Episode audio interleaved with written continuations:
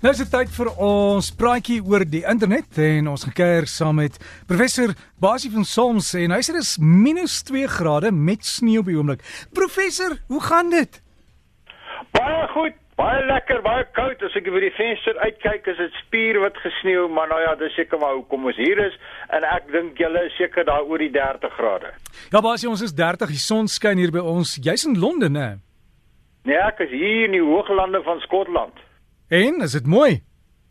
Dis pragtig. Dis pragtig. Jy weet hier's baie, soos ek sê, baie sneeu en dis baie koud en hier's hier's baie whisky. Dis dis te rye hier rond. So, is 'n aangename plek om te wees.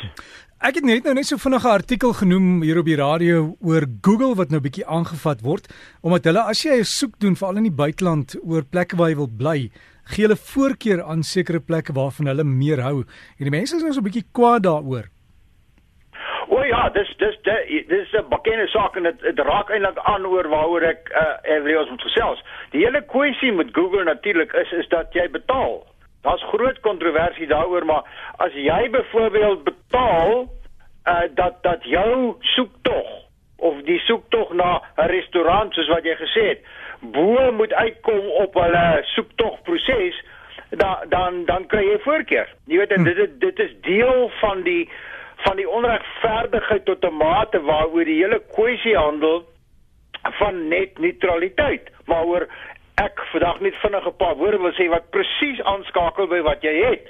Die hele internet se gedagte van die begin af was geweest, dis 'n infrastruktuur waarop alles dieselfde prioriteit kry. As jy 'n e-pos stuur vir my of ek stuur 'n e-pos vir jou of jy gaan Google 'n webwerf of wat ook al, dan moet daai verkeer op dieselfde manier hanteer word. Nou die ouens wat ons verkeer bestuur, as ons dit so mag stel, is nie Marietta nie, maar dis internetdiensverskaffers.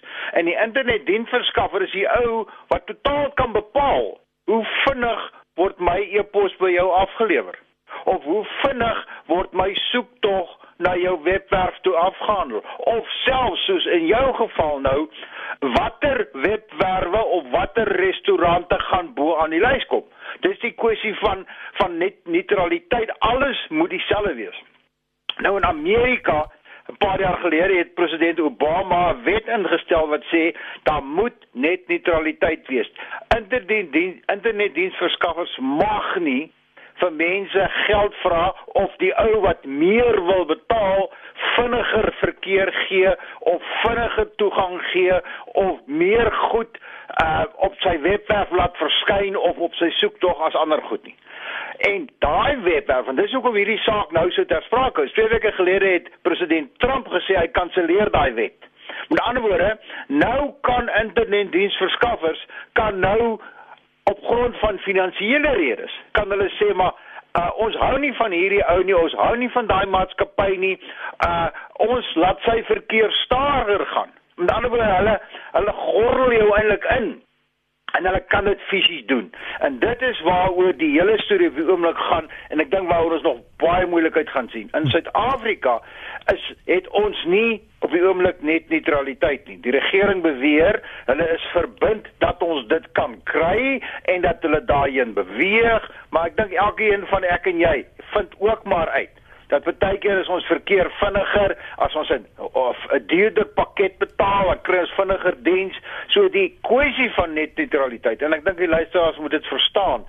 Uh geld is die groot saak hierso. Dit gaan oor wie betaal die meeste want dit kry dan kry ons as die groot internetmaatskappye die meeste geld en dan volgens koop jy eintlik dus jou diens, uh jou teenwoordigheid en jou spoed op die internet. En ek dink ons gaan nog baie daarvan sien. Dis eintlik 'n terugwaartse stap dink ek 'n bietjie wat in Amerika gebeur het, maar dit is nou maar die kapitalisme. Ek hoop Suid-Afrika neem die regte besluite daaroor. Maar as jy ek het onlangs 'n probleem gehad, ek het een van hierdie slim TV's wat jy by internet kan koppel en dan kan jy programme kyk van enige plek in die wêreld.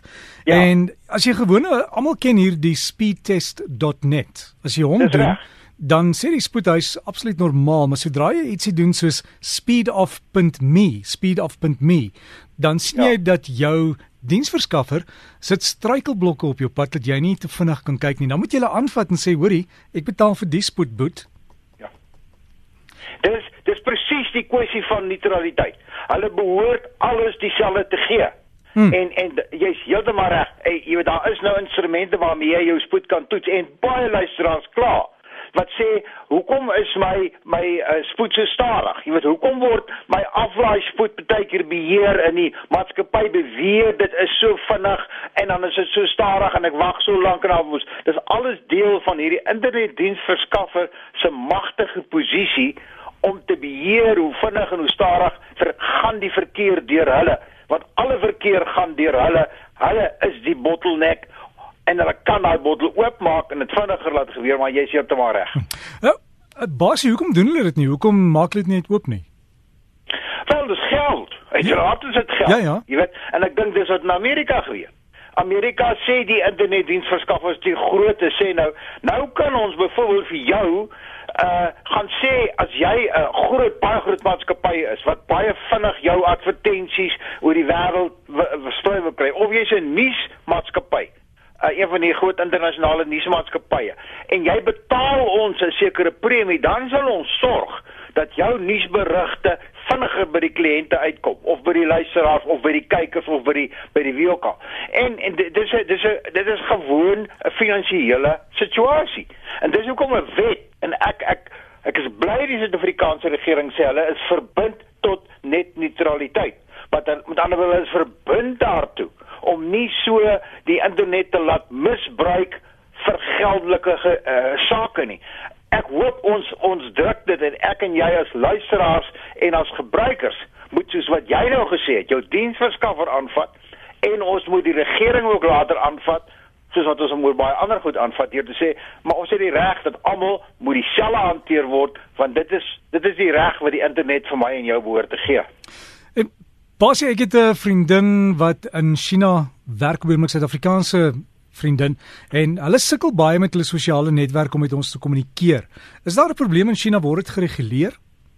Dis dit is 'n baie interessante situasie. Uiteraard word dit gereguleer. Byvoorbeeld in China is Facebook totaal geblok.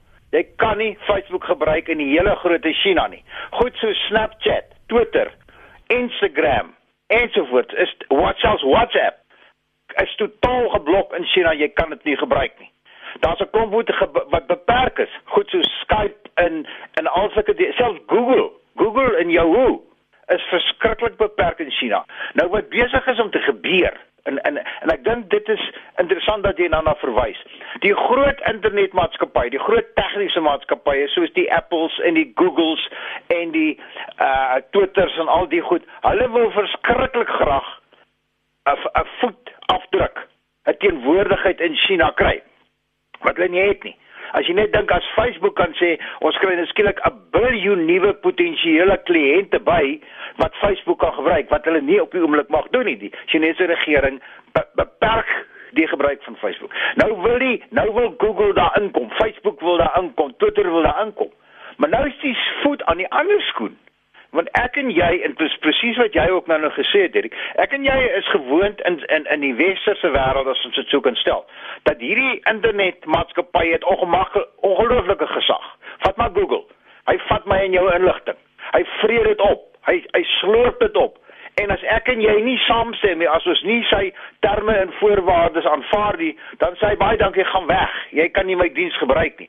Ek en jy en selfs regerings het geen beheer oor hoe hierdie groot tegnologie maatskappye deesdae besig is om oor te vat nie. Die Chinese regering sê nou, haha, kom ons begin bietjie bedang. As julle wil Facebook in en en China begin uitrol en dat ons mense dit kan gebruik, sal julle aan die volgende voorwaardes voldoen. As julle wil hê Google moet beskikbaar wees in China, dan sal julle hieraan voldoen. En daar's 'n baie interessante konferensie wat so 'n paar weke gelede in China plaasgevind het.